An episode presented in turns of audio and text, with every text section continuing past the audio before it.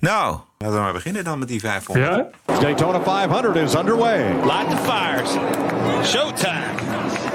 This is the TPO podcast. Gaza-grondoorlog. Israël kan het, maar de prijs is hoog. This is a mission that the military can carry out, but the context could not be more challenging. Het enige doel van Israël de vernietiging van Hamas. When Hamas uses a mosque as a launching pad, it is no longer a mosque, it is a launching pad. En Boegbeeld van GroenLinks neemt afscheid van GroenLinks. Kautar is een, het boegbeeld voor de groene beweging.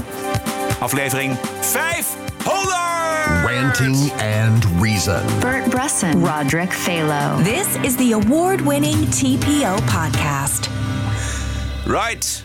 Toch wel veel, hè? 500. 500. Dat we dat met elkaar hebben uitgehouden, Bert. Ja, dat is toch wel, eh, toch wel heel knap. Het is gewoon ook veel. Ik weet niet of er. eh, ik, ik denk toch echt dat er niet zoveel Nederlandse podcasts zijn.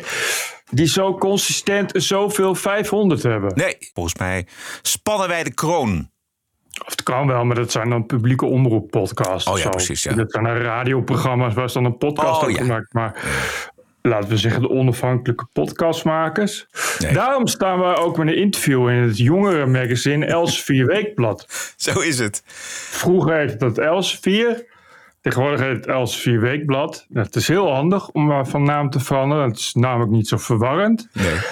Eh, het is gratis te lezen online. Ja, en volgens mij heet het niet eens Elsevier's Weekblad, want dat was een Nee, hele... EW Het heet EW, precies. Dus, eh, maar goed, iedereen ouder dan pak een beet 75, die weet al Ja. Het is heel grappig, omdat ehm, de moeder van mijn vrouw, die is ook eh, ja, 73 of zo. Ja. die las het ook in de papieren Elsevier. ja, leuk hè? En ik Ja. heb meer mensen die, eh, ja, het zijn allemaal, eh, allemaal ja, mensen wel echt minimaal 50. Ja, exact. Maar het is ook online te lezen. En ik zag jou al eh, een, Ja. een bericht posten met de link. Dat gaan we, gaan we doen. Want het is gewoon een hartstikke leuk interview. En het verjongt het blad in één keer. ja, wij zijn nou jong. Precies. 500 dus. Zullen we nog even kort terug naar het begin, Bert? Ja, doe eens. TPO-podcast 14 februari 2017, aflevering 1. En we beginnen met de reacties op de vorige aflevering, aflevering 0 van de pilot. Bert, is die een beetje beluisterd? Die Ja, vorige volgens aflevering? mij, eh, ik kan niet zien hoeveel er van mijn server zijn gedownload, van de TPO-server. Maar ik had hem op eh, Soundcloud gezet en op YouTube. En eh, Soundcloud is inmiddels rond de 1000, of ik geloof meer al. Is dat veel? En YouTube ook iets van 500. Dus in elk geval 1500 keer beluisterd. Dat is wel veel, ja. Voor een aflevering 0. Voor een aflevering nul. En vooral, ik wist, eh, maar het bleek, ik zag van de week ook een uitzending op twee vandaag. Het was wel een ontzettende bejaarde uitzending. Zeg, jezus, daar werd gewoon een uur lang uitgelegd wat dat precies is. Podcasting. Eh, maar eh, dat schijnt helemaal hip te zijn. Dus kennelijk is echt, was echt vraag naar. Het ging ook heel snel. Ik heb er eigenlijk alleen maar goede reacties op gehoord. Eindelijk een doorbraak na 15 jaar. Nou, na 41 jaar. Ja, zijn we Zo. toch aardig gegroeid, vind je niet? Ja, toen hadden we nog geen eens een, eh, een, een, hoe heet het, een intro. Nee, nou, we hebben wel een intro, maar dat, moet, dat kon ik niet laten horen, omdat het dan alweer, eh, dat, daar zat de recht op. En Oh, toen ja. trokken we ons daar niks van aan, maar tegenwoordig kan dat niet meer. Zijn we veel te professioneel daarvoor geworden, dus eh, ik, heb, ik had het even afgesneden. Maar eh, als je dus duizend, ze begint met duizend luisteraars, dat was op zich al goed met een nul aflevering. Ja, En tegenwoordig, nou ja, zeker op de dinsdag, zitten we toch wel boven de 20, 25.000 volgens mij. ja, ik denk het. Maar dat is wel, want de meeste podcasts beginnen gewoon met 30, 35 luisteraars. Ja. Zal ik maar zeggen. En dan heel langzaam wordt het opgebouwd. Het is heel moeilijk, want ik heb ook, eh, ik maakte wel eens wat eh, om te testen, wat audio-nieuwsberichten op een aparte Soundcloud-server. Maar het is echt eh, moeilijk om zomaar publiek te vergaren. Maar goed, we hadden natuurlijk een site, TPO, waar Ja. dat ook op werd gezet. En we zijn natuurlijk al enigszins bekende namen. Maar je hebt wel. Als je het helemaal uit het niets doet, ben je wel echt een tijd bezig. Ja, het is toch een beetje radio. Dus ra- radio is ook echt een, een slow medium. Dus het, het duurt heel Ja. lang voordat je iets opbouwt. Kijk, bij televisie, als een programma niet werkt, dan, dan weten de zenderbazen meteen eh, afvoeren. Maar bij eh, radio en ook bij podcast duurt het dus ontzettend lang voordat je dus een publiek hebt opgebouwd. Nou, dat moet je ook Ja. heel zorgvuldig doen. En volgens mij is, als ik ons een klein beetje op de schouder mag kloppen, Ja. op de borst mag kloppen, dan is het feit dat wij er altijd zijn of het nou, hè, dat we er elke week nu zeker twee keer per week zijn, dat is volgens mij heel consistent. En dat dat dus er altijd is. Dus ook niet stoppen met vakanties of wat dan ook, gewoon doorgaan. Ja, ja en de geluidskwaliteit. Als ik het zo terughoor, dan hoor je dat meteen al vanaf de eerste aflevering. Uh, klinkt al heel erg echt uh, professionele kwaliteit. En dat is wel verschil, omdat heel veel podcasts, dus zeker die beginnen, hoor je echt, ja, want die hebben natuurlijk niet de kennis die jij al had als audio-nerd. Ja. Dus je hoort dan vaak heel veel galm en heel leeg, blikkerig geluid. Ja. En dat hadden we vanaf het begin af aan niet. Dat scheelt natuurlijk ook wel, vooral omdat je dan het gevoel van dat het heel amateuristisch is, is dan meteen weg. Je hebt verstand van radio maken, dus ik, dat hoorde ik net ook al. De, vanaf de eerste aflevering rolt het heel makkelijk door. Ja. Goed, zullen we dan maar gewoon met, met het nieuws beginnen? Ja. Uh, later in de show gaan we nog wat mensen bedanken. Het is uh, maandagavond, 16 oktober, de laatste stand van zaken in het Midden-Oosten is dat uh, op maandagavond er nog geen grondoorlog van start gegaan is. Wat Israël tegenhoudt is vast niet uh, het weer, maar misschien wel diplomatieke druk of militaire druk of nog niet helemaal voorbereid. Woensdag komt de Amerikaanse president Biden naar Israël. Zijn minister van Buitenlandse Zaken Blinken die is al in het Midden-Oosten. Die doet een tour langs allerlei landen in de regio. Er moet nogal wat besproken worden, want volgens mij dat grondoffensief dat gaat er sowieso komen, Bert. Dat, daar hoeven we verder echt moet geen. Wel. Ja, dat moet wel. Huh? Wat denk jij? Ja, ze moeten wel. Ik, Israël kan niet zeggen, oh, we gaan toch nu, nu, niet meer. Dat konden ze al niet. Ze moesten wel wraak nemen. Ja. Uh, en, en Israël kan natuurlijk niet verder leven met de gedachte dat Hamas er nog is. Ja. Dan moet je je voorstellen hoe dat is. Niemand wil nu nog in een kibbutz pak een beet op 10 kilometer afstand van de Gaza-grens. Zolang nee. er nog Hamas is. Ja. Dus je moet wel. Ja. En de enige manier om dat te doen is, is om boots on the ground te hebben en daar dat gebied in te gaan en tunnel naar tunnel. Maar ja, het is een verschrikkelijke oorlog ja. die ze moeten gaan voeren. Maar het is echt, ik zie ook zoveel mensen die zeggen ja, vrede dit en besprekingen dat. Nee. Als je nu in Israël woont, dan ben je gewoon bang dat dat weer gebeurt. Ja. Je moet je gewoon vergelijken dat Hitler Duitsland aan de macht is. Ja. Uh, met Rotterdam alweer een keer plat gegooid. Hij blijft bezig met het afvuren van raketten. Terreuraanslagen ja. in Amsterdam, in uh, Hillegom, in, uh, in Arnhem. Ja, wat moet je? Je moet, je moet iets. Nu hebben we gezien wat er gebeurt als je Hamas dus niet met wortel en tak uitroeit. Ja, ja, precies. Ik zag een interessant gesprek op Fox News met de voorzitter van de commissie Buitenland van het Amerikaanse Huis van Afgevaardigden, Michael McCall, over het worst case scenario. Well, it's getting uh, very dangerous. I think the concern, Maria, is an escalation beyond the Gaza Strip. Right now, we're trying to contain it, uh, trying to get the uh, innocent civilians south towards Egypt and open up uh, Egypt so they can go in. But the uh, escalation from Hezbollah is real. Uh, the role of Iran is very real in this. You know, Hezbollah has 100,000 rockets that could overload the Iron Dome itself in Israel. We do not want that two front war. Um, and so that, that is a great concern. In, addition to ISIS in Syria and Iran back to militias in Iraq. And, and the Taliban is making noise about coming in as well. We don't want a global jihad in Jerusalem.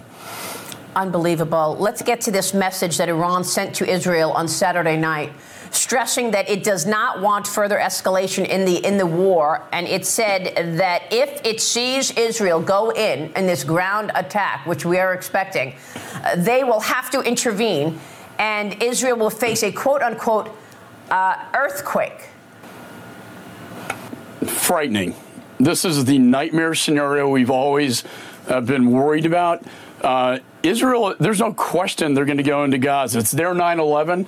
They want justice. They're going to go in and take out Hamas, which is like ISIS. That, you know, I went to that kibbutz where they killed all the little children there and decapitated them.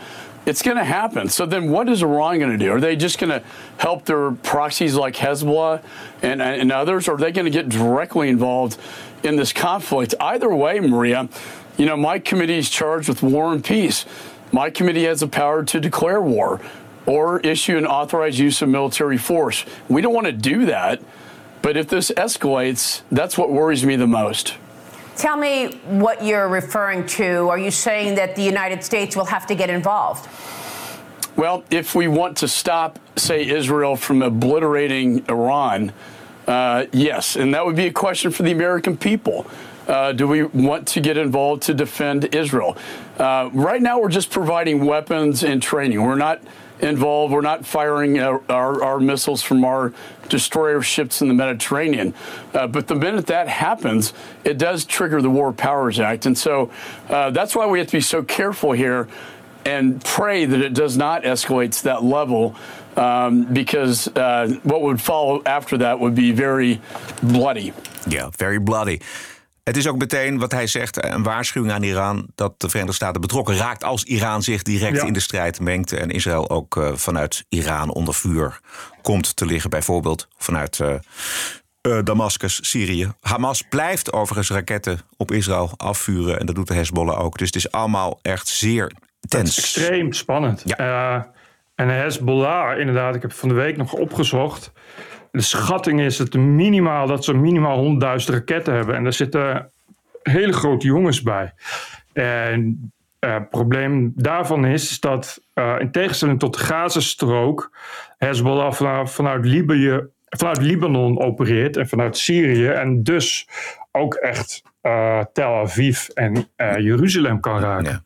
Ja, ja. Ja, ja de vernietiging van Hamas. Kijk, het is, het is, je weet nooit wat al die waarschuwingen waard zijn. Dat weet je niet. Ik bedoel, ik geloof dat Iran. die zit ook niet te wachten op, eh, op, op eh, Israëlische straaljagers. die het regime uitschakelen, om maar wat te noemen. En, en As- Nou. Assad zit er ook niet op te wachten.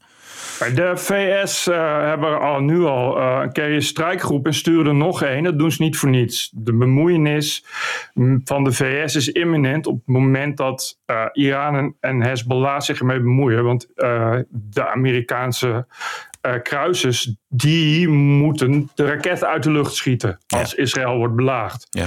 Maar het doel is, is volstrekt helder. Daar is geen enkel twijfel over. Dat is namelijk de vernietiging van Hamas. Dit is een woordvoerder van het Israëlisch leger afgelopen zaterdag bij Nieuwsuur. The army is focused on military targets by the terrorist organization of Hamas.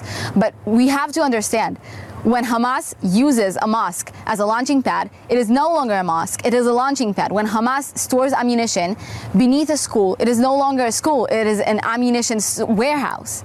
The people have two choices either listen to IDF instructions and get out of the main point of harm's way right now, or they can listen to Hamas, who are telling them to actively not move from their homes. But where should people in Gaza go then? We are bombing specific terrorism sites. This is a war zone. No place is absolutely safe. We are suggesting a relatively safe route to a more safe place than the one that they're in right now. This is a war zone. The IDF cannot guarantee for 100% the safety of everyone, but Hamas should have thought of that if they really cared about their citizens before they butchered over a thousand people within Israeli territory unprovoked. Ja. Hamas vernietigen burgers zijn geen doelwit. Dat is helemaal tegen het belang van Israël in. Het probleem is echt heel erg dat Israël verder geen kant op kan. Anders dan, dan maar één te calculeren dat de burgerslachtoffers vallen. Waarvan ze nu al heel lang hebben gezegd: ga naar het zuiden. Zo netjes zijn ze ook nog wel. Dat ze zeggen: we, we, we gaan nu alleen het noorden van de Gazastrook aanvallen. Eh, ja, Egypte wil ze niet toelaten. Dat is begrijpelijk. Niemand wil uh, zitten wachten op Hamas-strijders in zijn eigen land. Tuurlijk willen die dat niet. Maar dat, daar kan Israël niks om. Maar je kan niet, Israël kan niet zeggen: oh ja, maar er vallen dan burgerslachtoffers. Dus ze doen maar niks. Niks doen is gewoon geen optie. Dat is het hele probleem. De Hamas-terroristen kun je niet naar wat er is gebeurd in je achtertuin laten. Even terug naar, dat, naar, die, naar die operatie die sowieso gaat plaatsvinden. Ik bedoel, er zijn nu nog weer mensen die zeggen... ja, misschien kunnen we, dat, kunnen we Israël daarvan afhouden. Nee, dat gaat absoluut niet gebeuren. Ik bedoel, je hoeft niet een militair strateeg te zijn... om te weten dat, eh, hebben we net ook al geconstateerd... dat eh, Israël moet afrekenen met Hamas. Juist. Maar dat het een lange en gevaarlijke operatie wordt... Dat ook voor de Israëlische soldaten niet te vergeten... Dat leidt echt geen twijfel. Dit is uh, de voormalige CIA-directeur, de Amerikaanse generaal Petraeus, vandaag bij Times Radio. Uh, this is a mission that the military can carry out, but the risks are very substantial. The, the context could not be more challenging. Uh, fighting an enemy terrorists uh, who don't wear uniforms, who can drop their weapons, will fight from civilian buildings and infrastructure whose headquarters, bases, and facilities are underneath hospitals, inside mosques, and so forth. Um, will employ suicide bombers. Uh, will have improvised explosive devices. You know, if the defense is as creative as the terrible attack was, uh, there's no question that the, the challenges of urban warfare, normal challenges, will be further augmented. Uh, keep in mind, it's a densely populated uh, area. Uh, they'll do it in bite sized chunks, if you will, but you're still going to have many hundreds of thousands of people at the very least, depending on how many evacuate from the north in Gaza City. You have high rises, not just modest homes, uh, very tightly packed together. Uh, if you really go at this with the mission of destroy, which means to render the enemy incapable of accomplishing his mission without reconstitution, you're going to have to clear every building, every floor, every room, every basement, every tunnel. And of course, there's an extensive tunnel system running underneath uh, the populated areas. There will be very substantial damage and destruction of uh, civilian infrastructure and facilities. There will be substantial losses, not just by the Hamas terrorists and the Islamic Jihad terrorists, but also by uh, Israeli soldiers. Uh, and of course, the civilians will be caught in the middle of all this, those that, that remain that either don't heed the direction to evacuate or just don't have that as an option. Een guerrillaoorlog en ook de- denk ik de totale verwoesting van Gaza-stad en de omgeving, eh, tienduizenden doden. Ik bedoel, Daar moet je re- volgens mij rekening mee houden. Ja, het is echt het minst eh, leuke scenario wat je als leegleiding kan hebben ook. Ja. In een, in een, in een dichtgepakt, inderdaad, een, een stad, Gaza-stad, staat vol met flats. Je bent zo in het nadeel. En dan moet je dus, ja, kamer voor kamer, verdieping voor verdieping, moet je dat gaan zuiveren van Hamas-strijders. Nou, daar ben je wel even mee bezig. Ja. Eh, ik zag een filmpje, beelden van dat festivalterrein. Dit, zei, dit is het geluid schieten op alles. Ook op de toiletten waar mensen zich mogelijk Ja. verscholen hielden.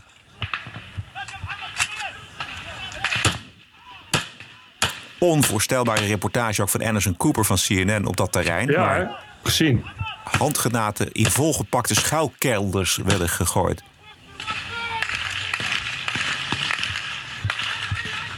Ja, gruwelijke details worden allemaal duidelijk over de plek in Israël waar alle slachtoffers geïdentificeerd worden ook. Jij twitterde volgens mij een, st- een stuk van de website Politico. Ja, dat was een eh, interview met een, een mevrouw die ja, de lijk identificeert.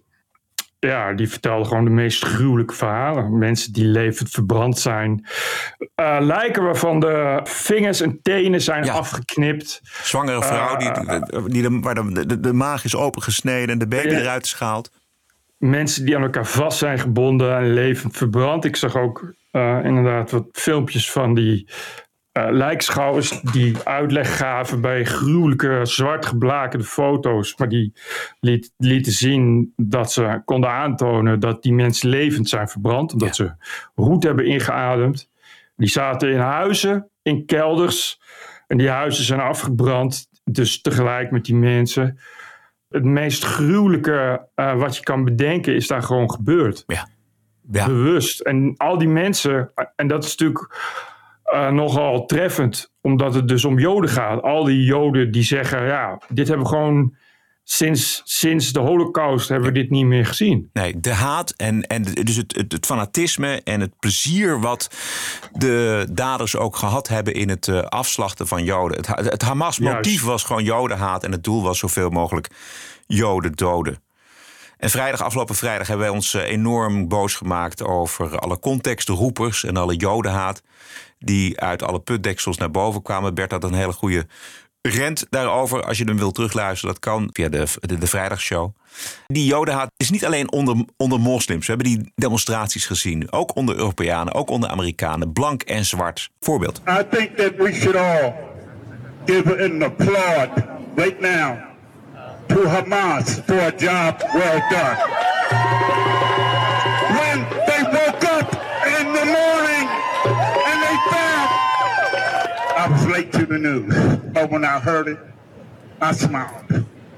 I don't want to hear that bullshit 250. 250 innocent Israelis are dead. Fuck them! Again, I swear, I salute Hamas. A job well done. Het is, als je het ziet, het is, eh, je kan niet voorstellen waar dat vandaan komt. Die haat, die enorme haat. Onbegrijpelijk, hè? En wat ik ook... Ik, eh, nou, afgelopen zondag waren ze ook in Amsterdam, zag ik. Ja.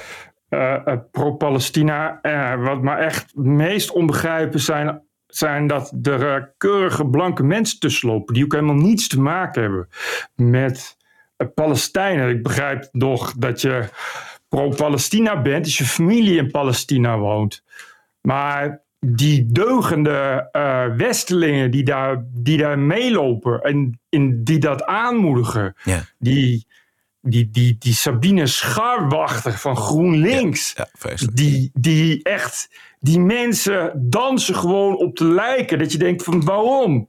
Weet je, hoezo? Hoe, hoe kan die haat zo in je zitten? Dat je, ik snap nogmaals dat je eh, voor een vrij Palestina bent, als je zelf Palestijn bent. Wat hebben die mensen die er verder helemaal niets mee te maken hebben, daar te zoeken? Hoezo ondersteun je dat? Ik neem aan dat, ze, dat deze mensen voldoende hersenen hebben om te weten dat als zij zingen en schreeuwen from the river to the sea, dat ze ook weten wat dat betekent. Dat betekent namelijk inderdaad Israël en de Joden uit het gebied van de kaart vegen.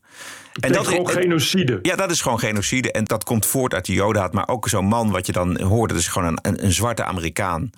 En hij, het komt uit zijn tenen. Hij, hij vindt dit echt. Hij, hij heeft al zijn hele leven een enorme haat ten aanzien van, eh, van Joden opgebouwd.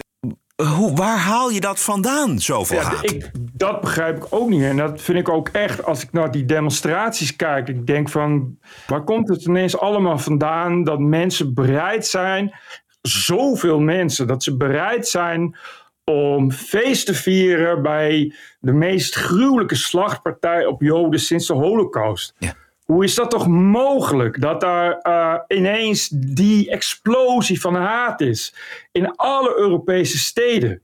En je kan dan zeggen, ja, het is geïmporteerd, maar ik had niet het idee dat het alleen nog Arabische mensen zijn. Het is echt iets wat bij sommige mensen aan de linkerflank ook echt heel diep zit. En ik, ik, ik kan me niet anders bedenken dan dat het eh, die mensen gewoon geen idee hebben hoeveel ze eigenlijk haten. Ja, precies. Weet je, je zag het ook al. We hebben al, maken wel eens vaker de analogie richting eh, eh, de Rode Armee-factie. Maar dat was natuurlijk in de jaren zeventig. En toen hadden we de Tweede Wereldoorlog nog maar net gehad. Maar die, die, dat was ook een terreurgroep die ging trainen met de PLO. Ja, en dat, dat waren ook onversneden antisemieten. Ik vind het echt, het is zo'n grote stap van meevoelen met mensen die in Palestina leven. Naar ik ben zo blij dat dit onschuldige Joden is aangedaan. Dat is echt dat je, je- ik snap niet dat je daaraan meedoet. Mensen die, die gewoon bij GroenLinks zitten of de PvdA, dat die daar aan meedoen. En dat die maar doorgaan en doorgaan met continu alles verdraaien en goed praten en in de context zetten. En bij alles zeggen van ja, maar de Palestijnen worden onderdrukt. Eh, Israël pleegt genocide. Maar hoe moeilijk is het om gewoon ah, een tijdje stil te staan bij, bij het extreme leed wat, wat deze Joodse mensen is aangedaan. Ja, ja, ik begrijp het ook niet. Ik zat laatst te eten met een eh, hele goede vriendin van mij. En ik had de hele avond had ik het onderwerp eh, een beetje gemeden. ja, je kent dat wel.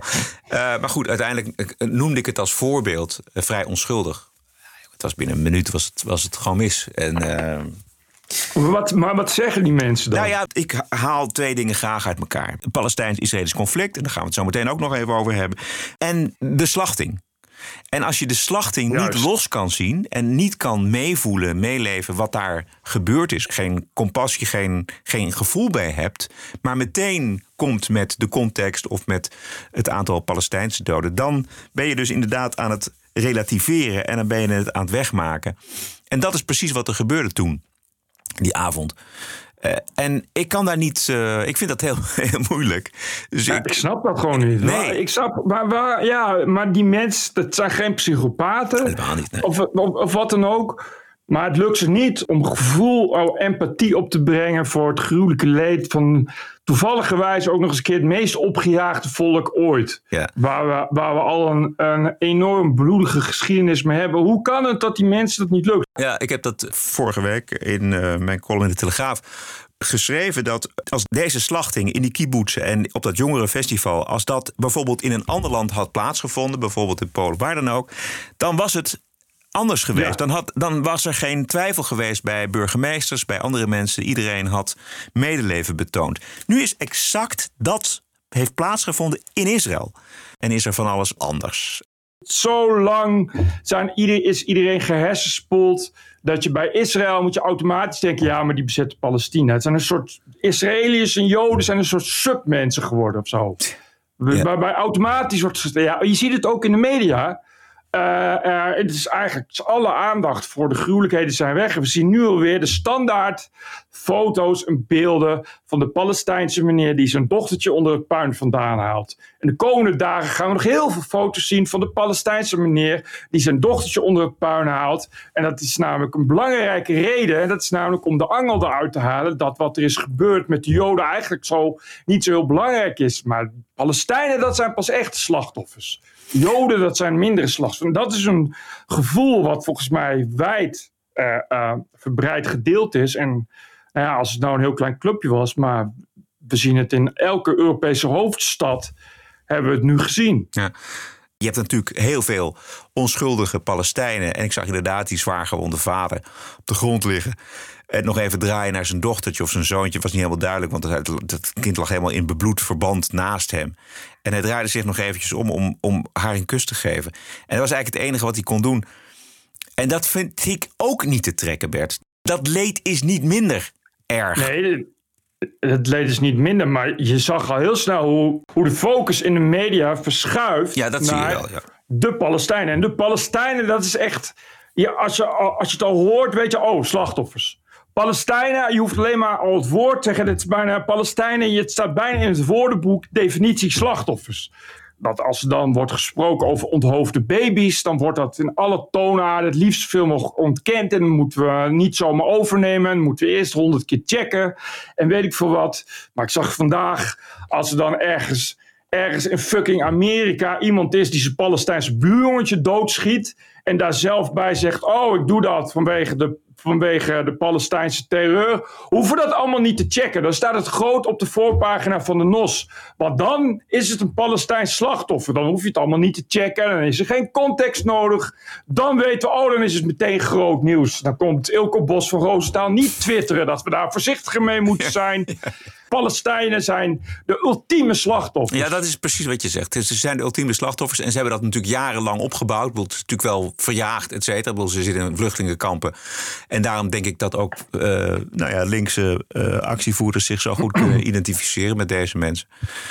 Ja, dat klopt. de obsessie met de Palestijn is toch niet normaal op links? Het lijkt wel eh, alsof er soms helemaal geen andere slachtoffers meer zijn. Het is altijd alleen maar Palestijnen. Ik kan wel wat landen opnoemen, maar we weten allemaal dat de wereld nou niet echt een paradijs is. Slachtoffers zijn er overal, maar het is altijd de Palestijnen. Alsof er geen enkel ander conflict is, de Palestijnen. En dat is in de media ook zo. Dit, en, en nu denk je dan, nou, dit is toch een unieke situatie, zal ik maar zeggen. Maar nee hoor, meteen, oh, Palestijnen, slachtoffers. Ja. Mijn stem wordt er schor van, Ja. omdat ik gewoon niet meer... Neem een slokje. Ik heb zoveel geschreeuwd tegen, tegen al dat... Ik zag een foto van mensen op de Dam. Dat waren een stuk of vijf, zes mensen met een Israëlische vlag. En die werden helemaal omringd door een cordon van ME'ers. Ja, het beursplein was dat, ja. ja. omdat ze op beursplein, omdat ze beschermd moesten worden tegen een woeste horde Palestijnse vlaggedragers. Ja, ja, vreselijk. Ik ga, wil eventjes eh, met jouw eh, toestemming mee naar eh, het brede conflict en waarom dat allemaal niet wordt opgelost. Ik ging eventjes naar een man die een beetje ook mijn geweten heeft beïnvloed. Hij leeft niet meer, je hoort hem vaker hier in de TPO-podcast. Dat is schrijver-journalist Christopher Hitchens. Die had hier gewoon veel langer moeten zijn. Hij is heel veel in het Midden-Oosten geweest en hij heeft er nog meer over geschreven. Het feit dat er nog steeds geen oplossing is en nu al helemaal verder weg lijkt dan ooit, eh, waarschijnlijk is volgens hem de schuld van religie. Luister. Everyone in the uh, civilized world has roughly agreed, including the majority of Arabs and Jews, and the international community that there should be enough room for two states, for two peoples in the same land. I think we have a rough agreement on that. Why can't we get it? The UN can't get it. The US can't get it. The Quartet can't get it. The PLO can't get it. The Israeli parliament can't get it. Why can't they get it? Because the parties of God have a veto on it, and everybody knows that this is true. Because of the divine promises made about this territory, there will never be peace, there will never be compromise. There will instead be misery, shame, and tyranny, and people will kill each other's children for ancient books and caves and relics. Ja, en dat zien we nu dus nog steeds. Op de Westbank zijn nu, las ik, minder Israëlische soldaten. Waardoor kolonisten meer ruimte krijgen om bijvoorbeeld voor eigen rechter te spelen en voor, en voor God te spelen. En volgens dat persbureau AP uh, heeft dat deze week tot extra geweld tegen Palestijnen geleid. AP die heeft het over 54 Palestijnse doden. Ja, dus hoe ga je daar ooit uitkomen? Ja, niet uh, ja, door de religie eruit te halen. Maar die religie, die krijg je daar natuurlijk niet uit. Nee. Het is onvoorstelbaar hoe dus destructief die zijn. En uh, als je kijkt naar wat, wat Hamas eigenlijk, wat er overblijft van Gaza, nu Hamas deze oorlog begonnen is en de grondoorlog eraan komt. Over die destructieve uitwerking van Hamas op de eigen bevolking. Dit was afgelopen weekend Peter Hitchens, dat is de broer van, op de, op de Britse uh, Talk TV. I've been to Gaza. Well, I, because I, of the, I don't know whether you have, but I haven't. But so tell us about what it's like, because well, it's, because I think lots of people have, have misconceptions about it. it. They do have misconceptions about it. I remember David Cameron uh, mouthing the, the, the the slogan that it was the world's biggest prison camp. Mm. Gaza could be, if only it, it, it, its its government turned in the direction of peace and prosperity. Gaza could be a, could be like Dubai. Mm. It's a wonderful position Yeah. uh, where it is economically and for many other purposes. Attempts have been made by some of the more enlightened Arab governments to, to, for instance, build good quality new housing there. The problem is every time this sort of thing happens, Hamas provokes as hard as it possibly can Israel into bombing attacks, and much of this is destroyed, and the atmosphere of tension and violence is maintained. I've had very good cafe latte on in a beachfront cafe in Gaza, and eaten extremely good beef stroganoff in a restaurant there. There are shopping malls. People, there is life there, but it's constantly interrupted by the mad fanatic politics of the Hamas government, which runs it. Ja, het zou dus een fantastisch mooi eh, plekje kunnen zijn op aarde. Ja, ik zag ook beelden. eh, het zal ook een beetje propaganda, maar de, de Israël had zo'n eh, had zo'n elitewijk van, eh van Gaza-stad gebombardeerd. En daar zag je beelden bij van hoe het daarvoor was. Maar het is, dat is wat Hitchens zegt. Ja. Prachtig aan de Middellandse Zee. Ja, je- maar het is een fantastische positie. En natuurlijk wonen daar een hoop mensen, maar de boel, je hebt daar ook ruimte. Ik zag een foto, een luchtfoto van een, van een tuin met een zwembad in, in Gaza. Als je vrede hebt met Israël, met je buren, dan kan je daar een geweldige plek van maken. als je dat Hamas eruit haalt, zou dat inderdaad ja, een hele goede positie kunnen zijn. Een hele goede plek. Toekomstmuziek. Laten we het hopen. TPO Podcast. Oké, even wat anders. Want eh, we hebben hele mooie cadeaus gekregen tot nu toe voor onze 500ste uitzending. We kregen 500 euro van Libben. Fantastisch. Hij viert op dit moment een mooie vakantie op Bonaire met zijn zoon. Ze duiken allebei. Ontzettend bedankt, Libben. Eh, Het doet ons heel veel eh, goed dat de podcast zo gewaardeerd wordt. Geniet van Bonaire. We zijn er ontzettend blij mee. En het is goed besteed. Ehm, voor de rest is het een beetje stilgebleven, Bert. Of hebben we nog een hoop post gekregen? Nee, nee helemaal niet. Ja, ik, ik geloof dat er veel mensen ook een reactie achterlaten. Het petje afzijt. Nou, dat lees ik dan allemaal weer niet. Dus, dus, Ah, dat moeten we wel doen, eigenlijk. Ja, maar ja, ik denk, dat dan, ik denk daar dan weer niet aan. Maar als eh, mensen als dank voor 500 afleveringen willen doneren, dan moeten ze me even een mailtje sturen. Dan sturen wij eh, het eh, IBAN-rekeningnummer waarop je kunt doneren. En dan kun je gewoon vrij doneren. Laat jezelf lekker gaan, zal ik maar zeggen. Ja, dat is een heel goed idee. Als je. Leef je uit.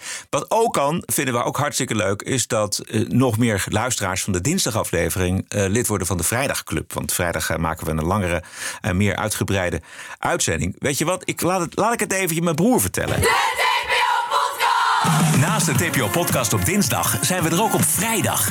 Langer, uitgebreider en met leuke extra's, zoals de legendarische Wokweek. This cancel culture is gonna end. End. Dat is nou een goed begin van je weekend.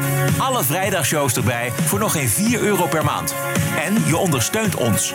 Reclamevrij en 100% onafhankelijke opheldering over het nieuws en de nieuwsmedia. Keep the show running. Word vrijdag abonnee en ga naar tpopodcast.nl. Let's do it. Let's do it. En doneer. En luister en word lid. Precies. Blijf erbij, vooral. Blijf erbij. Even nog heel kort tot slot eventjes naar Den Haag kijken. Het grootste nieuws uit Den Haag is dat Kamerlid Kautar Bouchalik zich terugtrekt als Kamerlid voor GroenLinks. Wegens gebrek aan context binnen GroenLinks ten aanzien van de terreuraanval van Hamas op Israël. Uh, GroenLinks. Ja, Jesse Klaver en vooral Frans Timmermans die had het uh, zonder enige terughoudendheid natuurlijk veroordeeld. Kon alleen maar met context voor haar. Fascinerend. Iemand die is opgegroeid uh, in een moslimbroederschapgezin. En ja. heeft meegewerkt aan de jongere tak van een moslimbroederschap. Dat die vindt dat het te weinig context is als 1300 Joden worden afgeslacht. Wie had dat nou verwacht, zeg? Ja.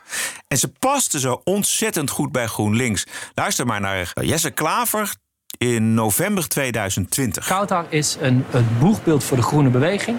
Uh, ze staat eigenlijk achter alle uh, idealen van GroenLinks, achter het verkiezingsprogramma. Ze staat voor vrijheid en emancipatie. Uh, en dat is wie ze is. Maar als je daarvoor staat, heeft u dan ook de vraag naar haar gesteld... wat doe je dan bij die clubs als Moslimbroederschap en Miligurus... die toch niet bekend staan om dit soort opvattingen? Nee, maar zij deelt die opvatting ook niet. En zij was lid van, zij was, zat in het bestuur van Femiso. Dat is een koepelorganisatie. Daar zaten allerlei organisaties bij.